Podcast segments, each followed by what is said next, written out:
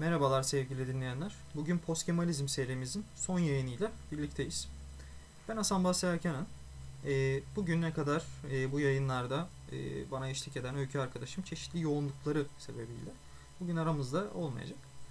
E, bugün artık son önümüzde duran iki soruya ben cevap aramaya, cevap bulmaya çalışacağım. Hemen başlayalım isterseniz. E, öncelikle Kemalizmin sınıfsız imtiyazsız toplum yaratma amacını nasıl yorumluyoruz? Buna değineceğiz. E, Postkemalistler bu kapsamda hem halkçılığı hem devletçiliği eleştiriyorlar. E, yine bu noktada milli burjuvazi politikası e, onların eleştiri konularından bir tanesi. E, Türkiye'deki bir takım sınıfların politika ile bile isteğe güçlendirildiği anlayışı e, genel düsturlarıdır diyebiliriz. Şimdi sınıfsız imtiyazsız toplum yaratma uğraşı e, dönemin şartları ile ilgilidir. Yani Durkheim'in haliyle Gökalp'in solidarizminden etkilenen e, toplumu, halkçılığı ve devletçiliği bu şekilde tanımlayan bir Kemalizm karşımıza çıkıyor. Yani korporatizm, e, devlet müdahalesinin kapitalizm ile e, iç içe e, olduğu, böyle görüldüğü bir durum. E, Duverger'ın tekne demokrasi şeklinde yorumladığı gibi. Şimdi toplumu e, sınıflardan ziyade meslek gruplarından oluşan ve e, bu grupların birbirine desteği şeklinde yorumlayan bir akıldan bahsediyoruz burada. E, bunu dönemin şartlarına şartları ile değerlendirecek olursak genç, dinamik nüfusu e, savaşlarda perişan olmuş. Yani Batı'nın ekonomik boyundurundan çıkmaya çalışan, kendi iç dinamiklerinde de modernizmi oturturken uğraşmak zorunda olduğu pek çok gerici unsuru olan bir ülkede e, bu tip bir politikanın uygulanmasının gayet tutarlı olduğunu söyleyebiliriz. Elbette e, dayanışmacılık üzerine kurulu bu sistemde uygulanan milli burjuvazi politikası ile tekelleşmenin, gelir dağılımındaki eşitsizliklerin de önünün alınamadığını söyleyelim. E, bu açıdan eleştirmekte fayda olduğunu belirtebiliriz. Ancak e, büyük sermayenin oluşturulma çabasını e, liberal kapitalist aşamaların tamamlanma uğraşı olarak görmekte de e, yarar var. O dönem yüzünü batıya dönmüş bir ülke olarak Türkiye'nin bu yolu tercih etmesi aslında kendi içerisinde tutarlı. E, ancak bunun sonucu, bu yolun sonucu e, da ayrı bir tartışma konusu olabilir. Bunda sıkıntı yok diyebiliriz. E, burada Doğan Avcıoğlu'nun Türkiye'nin düzenini, Düvercan'ın Batı'nın iki yüzünü sizlere önerebilirim. E, yararlı kaynaklar olacaktır bu konu dahilinde. E, Postkemestlerin bazı altyapı eleştirilerine bu noktada katıldığımı ancak e, onların çok fazla küçümsediği e, tarihi döneminde okumak e, noktasında da eleştirdiğimi söyleyebilirim. E, çok fazla anakronizme kaçtıklarını belirtebiliriz bu noktada. E, bu sebeple meseleleri de e, bütüncül değerlendiremiyorlar maalesef. E, Avcıoğlu'ndan bahsettik. Sol Kemalist yazarlarca 60'larda özellikle Osmanlı toplum yapısının e, özellikle de kalkınma odaklı çok fazla incelendiğini, eleştirildiğini, e, oradan Cumhuriyet'in aslında o ekonomi politiğinin de eleştirildiğini görüyoruz. E, yön bildirgesinde daha ilk ilk başta e, bizlere e, Türkiye'nin, Atatürk Cumhuriyeti'nin kalkınmada yetersiz, eksik, e, bazı noktalarda da bazı güçler tarafından durdurulduğunu, yani e, bazı karşı güçler, bunlardan bahsedeceğiz e, onlar tarafından bazı devrimlerin yapılmasına da ket vurulduğunu görüyoruz bu anlatımlarda. Niyazi Berkes'te ise milli burjuvazi politikasının oluşumunu Osmanlı'dan gelen bir politika devamı. E, o günkü bir takım sınıfların da isteklerine bağlı olduğunu bizlere gösteriyor. Yani e, böyle Kemalizm geldi ve e, milli burjuvaziyi yapmak istedi ve yaptı.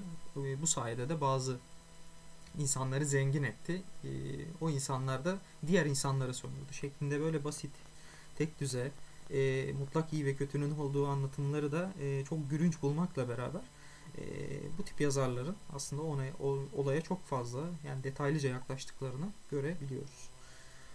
E, yabancı sermayenin istenilen ilerlemeye katkı sunamadığından bahsediyor Berkes bizlere.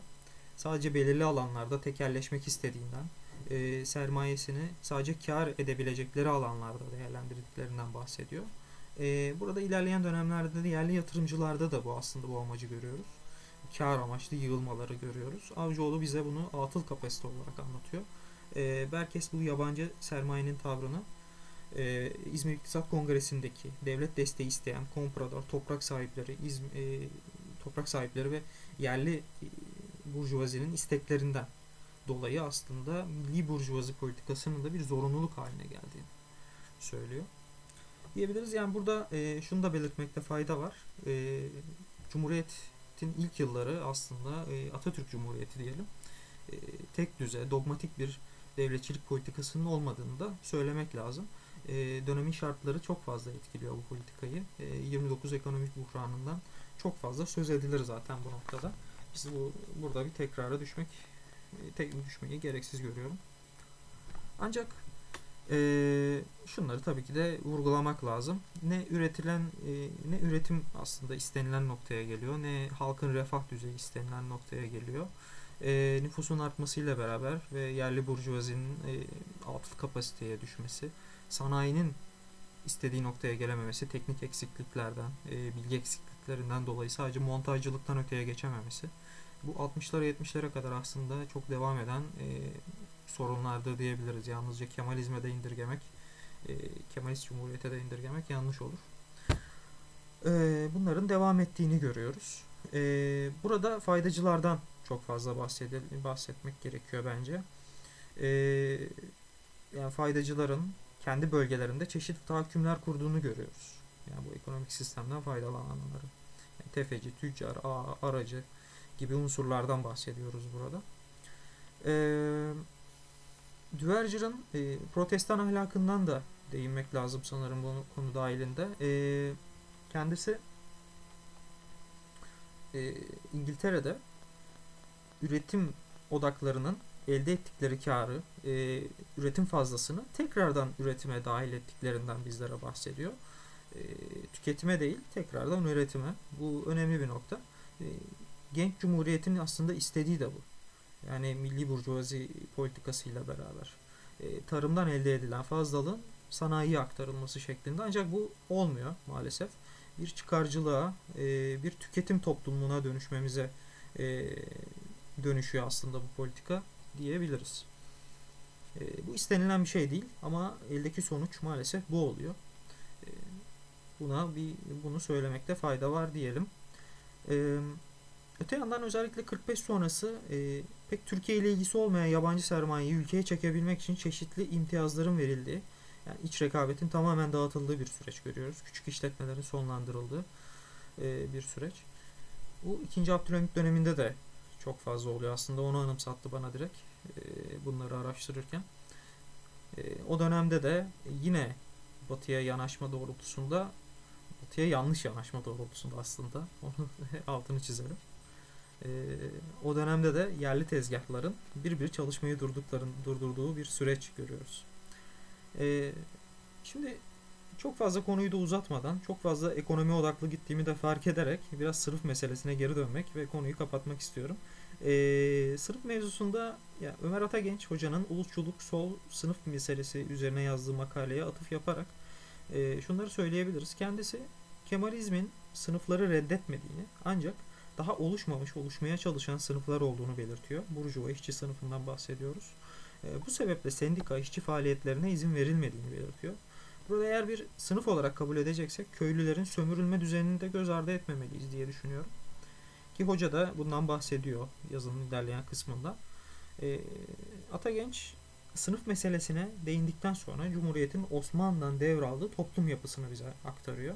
E, çok fazla göz ardı edilen bir noktadır burası da e, burada gayrimüslim tüccarların, saray bürokratlarının, toprak ağaların ve dar bir sermayenin olduğundan bahsediyor. Yani böyle bir düzende ne yapılabilir sorusu bizim karşımıza çıkıyor bu noktada. E, bu Cumhuriyet dönemi devletçilik, sınıf e, meselesi yani kısaca bu şekilde sizlere aktarılabilir diyerek konuyu e, kapatıyorum. Diğer soruya geçelim bence bu konu için yeterli diye düşünüyorum. Şimdi karşımıza çıkan diğer soru artık son sorumuz diyelim buna. Ee, Post Kemalistler son dönemde ne noktadadır? Nerededirler? Ee, hepimizin malumu AKP iktidarının en otoriter, e, en kültür dayatmacı e, noktasındayız. Yani burada bu aydınların tutumu nereye gelmiş? e, bu şartlarda nereye gelmiş onu görelim. Şimdi genel bir özetle başlayayım. Yani post Kemalizm siyasal İslam, Gülen Hareketi ve Kürt Hareketi e, ile Kemalist vesayet ve otoriterliği sollandırıp e, demokrasiyi tayin edebilmek için ittifak kurmuştu.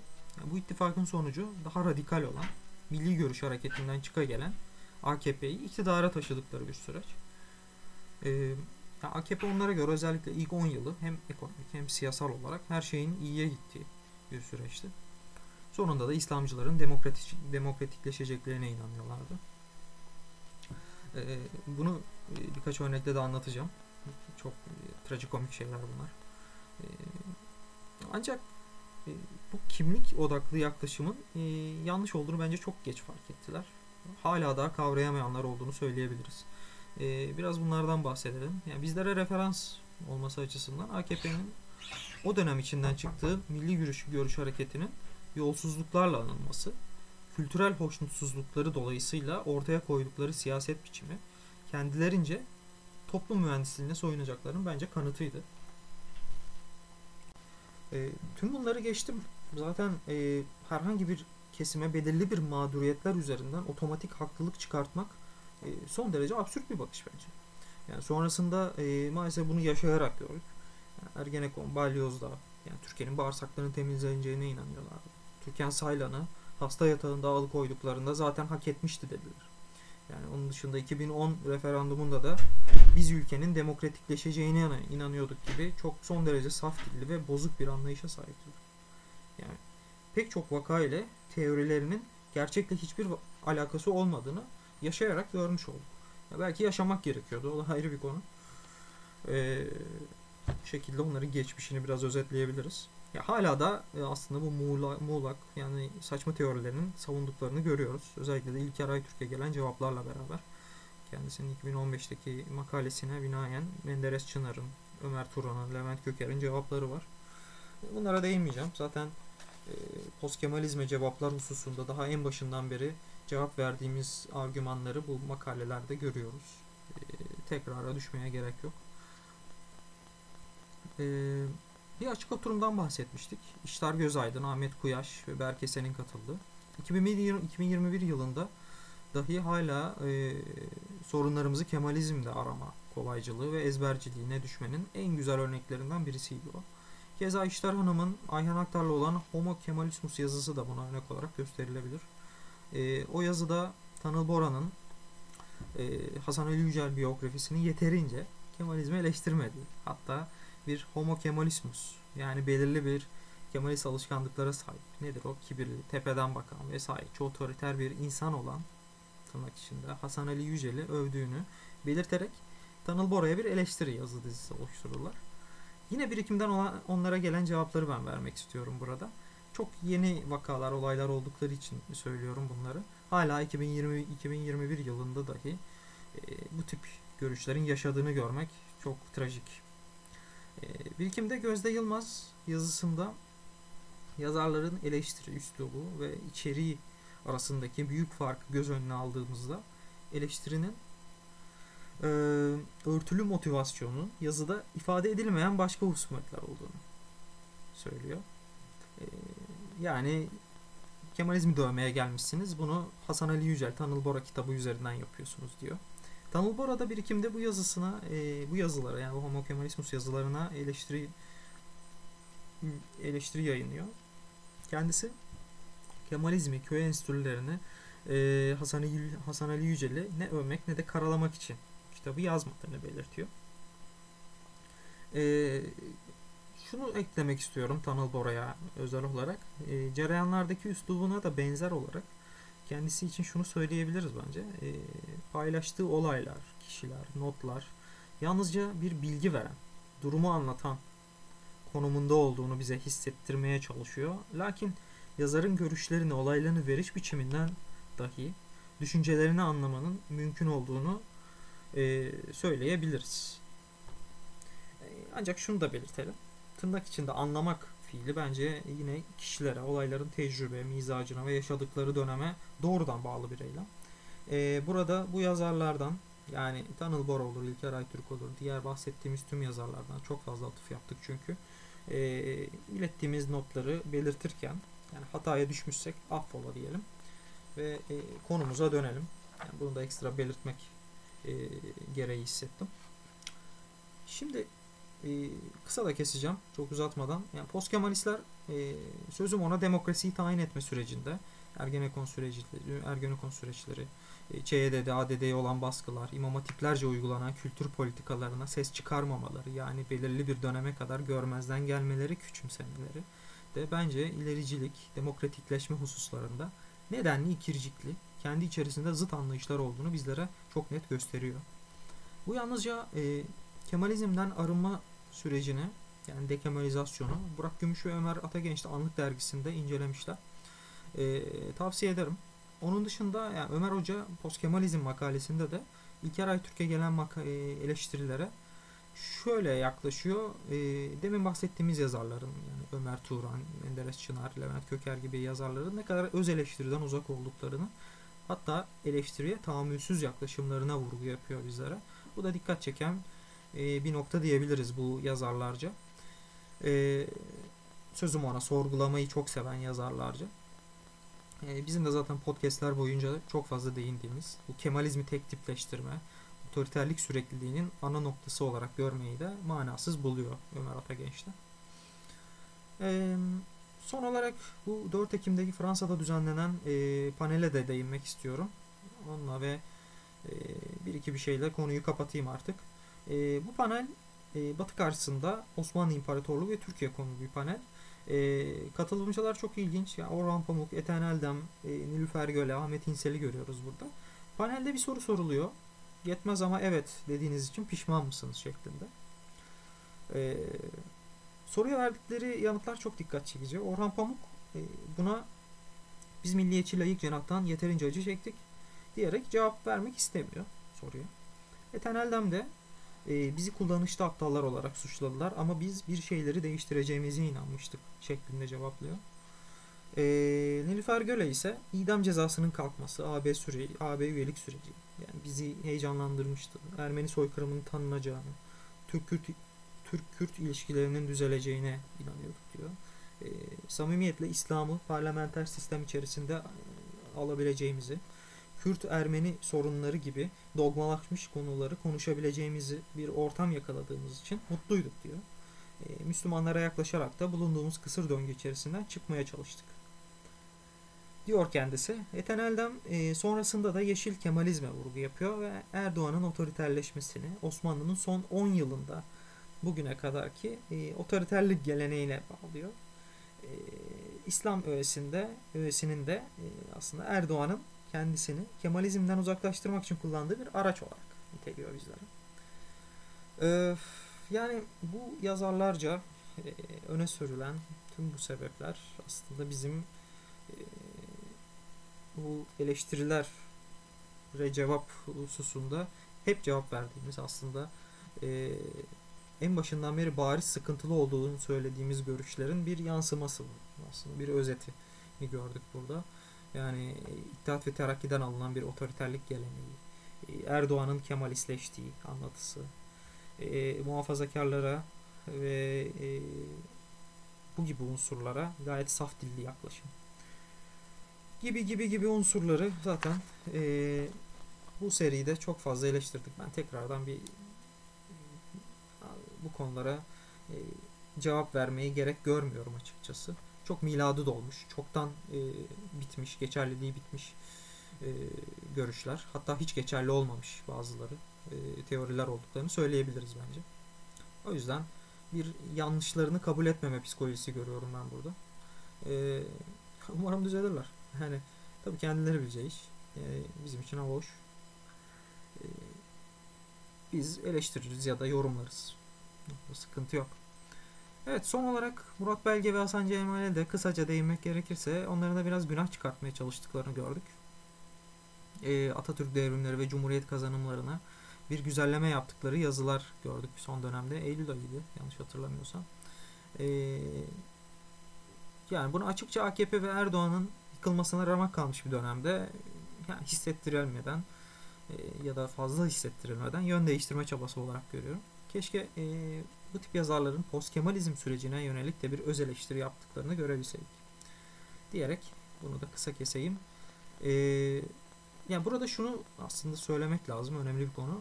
Yeni Türkiye düzeninde artık AKP sonrası Türkiye'de e, muhalefete sırnaşan, yer kapmaya çalışanlara çok fazla göz açtırmamak gerekiyor. E, yani Nagihan Alçı burada bir örnek olarak gösterilebilir son dönemdeki çıkışlarıyla. Muhalefete tepeden bakan, tepeden bakan değil daha çok e, ona yol gösteren, rol kesen bir e, yapısı var kendisinin. Burada sağlam bir öz eleştiri yapmaları gerekiyor kendilerinin. E, hep kazanan fırıldak tiplemesi bence Barış İnce'nin de bir günde söylediği gibi halka daha fazla nüfus etmemeli diye düşünüyorum. Barış İnce çok güzel bir noktaya değiniyor yazdığı yazıda. Reşat Nuri Güntekin'in Yeşil Gece romanında anlattığı e, yobazlara karşı savaş açan idealist öğretmen figürü 2005-2013 yıllarında kaba, dinsiz, tepeden inmeci, kemalist yalakası şeklinde bu yazarlarca, bu tip yazarlarca nitelenirken 2013'ten sonra da e, bugünü nasıl anlatıyor? Sanki bugünün karakterleri şeklinde güzellemelere, övgülere mazhar olduğunu söylüyor. İşte e, söylemeye çalıştığım bu tip omurgasızlıklara önümüzdeki dönemde çok fazla maruz kalacağız. E, affınıza sığınarak at iziyle it izinin karıştığı bir döneme gireceğiz diyebiliriz. Buna dikkat etmek lazım. Elbette ki insanlar görüş görüşlerini paylaşırlar bu, ve onlar da yanılabilirler. Çok yanılabilirler. Ciddi anlamda sıkıntı, ülkeyi sıkıntıya sokabilirler. E, sonradan bu düşüncelerini de değiştirebilirler ama burada öz eleştiri önemli. Bunu e, herkesin, onların da, bizlerin de, başkalarının da yapması gerekir. Bu önemli bir nokta. E, burada bunlara dikkat etmek lazım diyelim. Son söz olarak e, ben bu seri boyunca çok fazla kaynaktan yararlandım. E, öyküyle beraber çok fazla okumalar yaptık, araştırmalar yaptık. E, kendimizi eleştirdik, karşı tarafı eleştirdik. E, bu sorulara ne gibi cevaplar verilebilir veyahut bu sorular nasıl anlaşılabilir? Bunları anlamaya, bunlar üzerine kafa yormaya çalıştık. E, yani yine şunu vurgu yapmak istiyorum. E, kendi okumalarımız dahilinde bugün verebildiğimiz cevaplar bunlardır. Yani yarın daha başka cevaplarla e, karşınızda olabiliriz belki. Yani çünkü okuma işi ve e, bu sorulara cevap verme işi e, böyle bugün oldu bitti denilebilecek bir süreç değil. Bu e, daha e, da çeşitlendirilebilir, zenginleştirilebilir bunlara verilecek cevaplar. E, bu noktada kendimizde geliştirmeye devam ediyoruz ve ilerleyen süreçlerde de belki daha farklı yine bu konu dahilinde veya buna benzer konular dahilinde daha farklı noktalara değindiğimiz yayınlar da yapabiliriz. Ben Öykü arkadaşıma tekrar teşekkür ederim. E, son söz olarak bir kısa bir özet yapıp konuyu kapatmak istiyorum. E, Postkemalistler pek çok mevzuda yanıldıklarını bizlere gösterdiler. Hatalı ve eksik e, baktıklarını söyleyebiliriz pek çok konuya. E, doğru yorumladıkları meseleler de var. Fakat bunları kendi içerisinde çoğu zaman bütünlük halinde değerlendiremediklerini görüyoruz. Mesela batılılaşma eleştirisinde, otoriterlik eleştirisinde, altyapı, ekonomi eleştirilerinde kısmen mikro düzeyde doğru noktalar tespit etmeleriyle beraber yani olaya e, makro boyutlarda e, çok yanlış çözümler getirdiklerini özellikle çözüm noktasında hatalı olduklarını söyleyebiliriz. Çok konforlu alanlarından ahkam kesmekle kalmışlar. E, burada kendilerine eleştirme kolaylığı yaratması bakımından kurdukları temellere de değinmek istiyorum. Yani Kemalizmi belirli bir çuvalın içine koyup onun tanımını da yürütücülerin de bir değerlendirdikleri e, onlara bir anlatım konforu sağlayan bir e, aslında eleştirme sistemi oluşturmuşlar kendilerince. Bunu da doğru yapmadıklarını e, defaatle söyledik zaten. E, burada şöyle düşünüyorum. Yani, Postkemalistler var olan problemleri tanımlarken büyük hataya düştüler yani Kürtlerin ifade ve yaşam hakları problemi, e, atıyorum diğer kimliklerin veya sınıfların, e, Türkiye'nin ekonomik altyapı problemleri, e, gelir dağılımı, eşitsizliği problemi, dışa bağımlılık, vahşi kapitalizmin belirli kesimleri yüceltmesi, diğerlerinde ezmesi şeklindeki problemleri gibi ekonomik, demokratik sorunların temelini Kemalizme indirgeyen bir anlayış. Literatürde kendine çok fazla yer buldu diyebiliriz.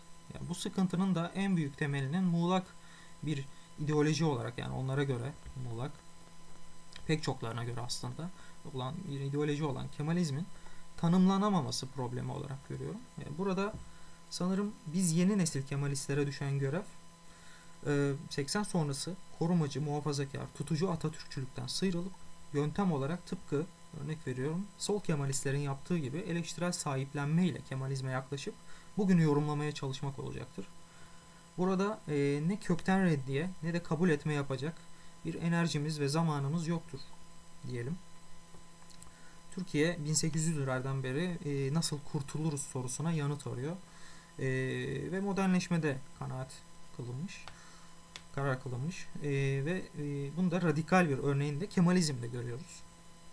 E, elbette bu tartışılabilir. Ancak e, yani bu eleştirilebilir. Ancak bunun eleştirisinin de eleştirisi yapılmak zorunda. Ki yapılıyor da son dönemde. Bu çok önemli. E, ancak bu durumlar bizi şuna itmemeli. Post Kemalistler pek çok noktada hatalı çıktılar. Peki onlar hatalı olduğu için biz otomatik olarak haklı ve doğru mu oluyoruz? Belki bazı konularda evet. Ama bugün için özellikle e, kendimize şunu sormamız lazım. İlk etapta e, Kürt meselesinde, parlamenter demokrasinin tayininde, eğitim, ekonomi, LGBTİ, kadın hakları, iklim değişikliği, sosyal medya kullanımı ve daha pek çok konuda biz bugün ne diyoruz? E, bunlar değerli hususlardır. Bunların üzerine düşünmek gerekir. Bunlara vereceğimiz cevaplar bizi var edecek olan cevaplardır. Biz varız ve bunları diyoruz. Demek çok değerlidir. E, bunlar üzerinden yürütülecek tartışmalar çok daha sağlıklı olacaktır e, diye düşünüyorum. Bu gündemlerde pek olmadığımız için aslında bunlara vurgu yapıyorum. E, neden olmadığımız ayrı bir tartışma konusu. Buna girmeyeceğim. Ama son dönemde aslında Kemalistlerin e, çeşitli dergi, kurum ve kuruluşlarda e, bu da Kemalisyon da bunlara dahildir. E, bu, bu kuruluşlarca tekrardan gün yüzüne çıktığı ve bir şeyler yapmaya çalıştığını, bir örgütlenmeye çalıştığını, bir şeyler yazmaya, çizmeye, anlamaya çalıştığını görüyoruz. Çok değerli. E, bunun ulusala daha e, güçlü bir şekilde yayılması gerekir. Bu, bu uğurda da e, bu kurumların teker teker, yer yer beraber bir, bir araya gelerek çalışması gerekir. E, bu vesileyle bu önümüzdeki süreçte Aralık ayındaki Büyük Kemalizm Kurultayı'na da e, atıf yapmış olalım. E, o kurultayın çok fazla şeyi e, çok fazla şeye açıklık getireceğini, bu birlik, bütünlük en azından bu örgütlenmeyi ve e, biz ne diyoruz sorusuna cevap arama hususunda çok değerli olduğunu söylemek lazım. E, o da çok dikkat çekici. Umarım istenilen noktaya varır. O da o ve onun gibi etkinlikler e, bizi istediğimiz noktaya getirir. Bu çok önemli. Diyelim. E, ben bugünkü Kemalizmi yani 20'lerde 30'larda radikal ilerlemecilikle yolunu bulmuş ve devrimlerini yapmış aslında demokratikleşme noktasında e, ülkeyi bir noktaya getirmiş olan Kemalizmin bugünkü çizgisini yine ilerlemecilikte görüyorum. Bunu çoğulcu ilerlemecilik olarak da tanımlayabilirim. Bu benim kendi tanımım. E, her Kemalist aynı düşünmeyebilir. Ama e, bu noktada e, demokrasi hususunda Kemalizmin bir e, amasının olacağını da düşünmüyorum. Bunu da söylemek lazım. Diyerek e, bu konuyu kapatayım. Yani söylenecek çok fazla şey olabilir Neo Kemalizm hususunda ama bunlar başka yayınların konusu. E, ben ilerleyen zamanlarda da e, buraya katkı sunulacağını düşünüyorum. Zaten yavaş yavaş da başlanıldı. E, o yüzden podcastlerimizi burada sonlandıralım. Ee, tekrardan arkadaşlarıma ben teşekkür ederim. Ha kaynaklarımızı söyleyelim bu arada. Yararlanmak isteyecek olan arkadaşlar olacaktır illaki. Son olarak e, bunlar işte postkemalist cenahtan Fikret Başkaya paradigmanın iflasını, Tanıl Bora Cereyanlar, İdris Küçükömer, batılılaşma ve düzenin yabancılaşması, Levent Köker, Mete Tunçay gibi isimleri önerebilirim. Onun dışında İlker Aytürk, Berkesen, Ömer Atagenç hocayı, Hakkı Uyar, Zafer Toprak, hocayı. Makalelerini önerebilirim. Anlık dergisini önerebilirim. Ee, Niyazi Berkes Türk Düşününde Batı Sorunu, Doğan Avcıoğlu Türkiye'nin Düzeni, Tarık Zafer Tunaya, Şevket Süreyya Aydemir. Bu tip yazarları okumanız için sizlere önerebilirim. Ee, evet, söyleyeceklerimiz bunlardı. Hepinize iyi günler, keyifli dinlemeler.